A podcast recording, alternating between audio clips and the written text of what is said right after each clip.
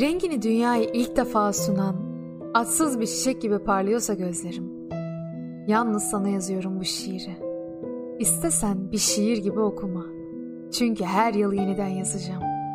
Soğuklar başlayınca, havalanıp millerce yol kat ettikten sonra, güneyi tadan bir kuşun sevinciyle. Ve yazmış olacağım bir de, her dönemde, her çağda, sevdanın kendine özgü diliyle. 1912 miydi? 1952 miydi? Güneşli böyle miydi?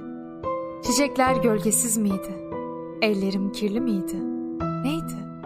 Çiçeklere su mu serpiyordum? Bir karanfil çok mu uzaklardan gelmişti? Bilmem ki. Benim bütün yaşamımda hep karanfiller olmuştur. Her zaman hatırlarım. Sanki bir karanfilden sürekli doğmuşumdur. Kaç yıl önceydi? Şimdi unuttum.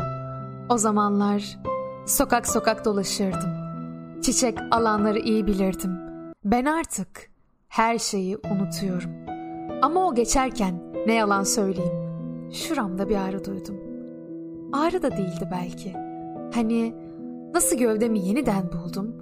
Acılar acılara eklenince ağırlaşıyor. Gövdem de ağırlaşıyor. Biz kocaman bir demet karanfil oluyoruz. Şu üstümdeki boşluk kadar bir demet.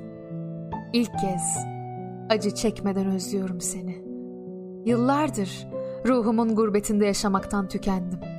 Kendi yaramı görüp ona sarılamadığım için ondan akan kanla yıllardır zehirleniyorum.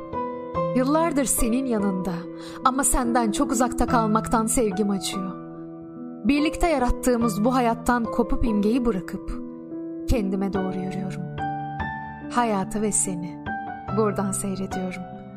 Odandasın ve tek başına dans ediyorsun. İyilik ve sevgiyle gülümsüyorum. Seni sevip hissetmem için seni sahiplenmem gerekmiyor. Oradasın ve varsın işte. Nereye gitsem içimde hissediyorum seni. Hayatın bütün renkleri yüzünde. Odanda tek başına dans ediyorsun. Evet. Hayat karanlık.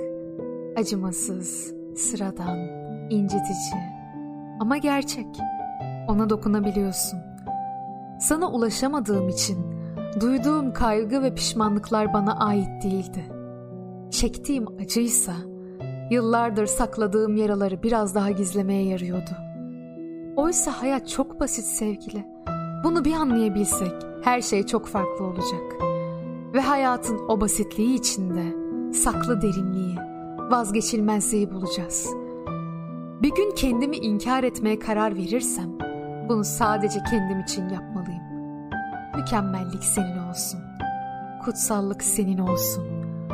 Bu aşk beni tutuk, korkak biri yaptı. O an anladım ki fırından aldığım ekmeğin sıcaklığı bu aşktan daha kutsaldı. Yüzümü ısıtan mütevazi güneş, evlerine ekmek götürdüğüm çocukların sevinci, çay bardaklarındaki kaşık sesi daha kutsaldı. O küçük mutluluklar, o eksik, o kenaatkar doyumlar daha kutsaldı. Doğanın bana verdiği bu ödülden çaldırıp yitmemek için iki insan kaldım. Birbiriyle konuşan iki insan.